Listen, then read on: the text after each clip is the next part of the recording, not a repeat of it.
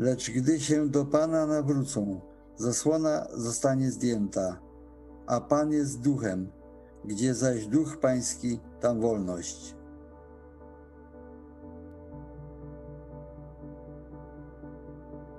A głupich, niedorzecznych rozmów unikaj, wiedząc, że wywołują spory.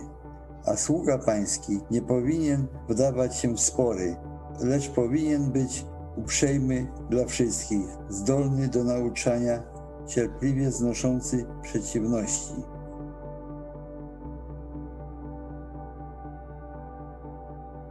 Chrystus wyzwolił nas, abyśmy w tej wolności żyli.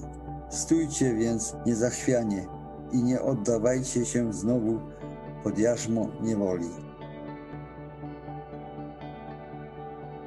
Niech moi przewrotni wrogowie nie radują się z mojego powodu. Niech nie spoglądają szyderczo ci, co nienawidzą mnie bez przyczyny. Nie mówią bowiem o pokoju, lecz przeciw spokojnym w tym kraju zmyślają fałszywe słowa.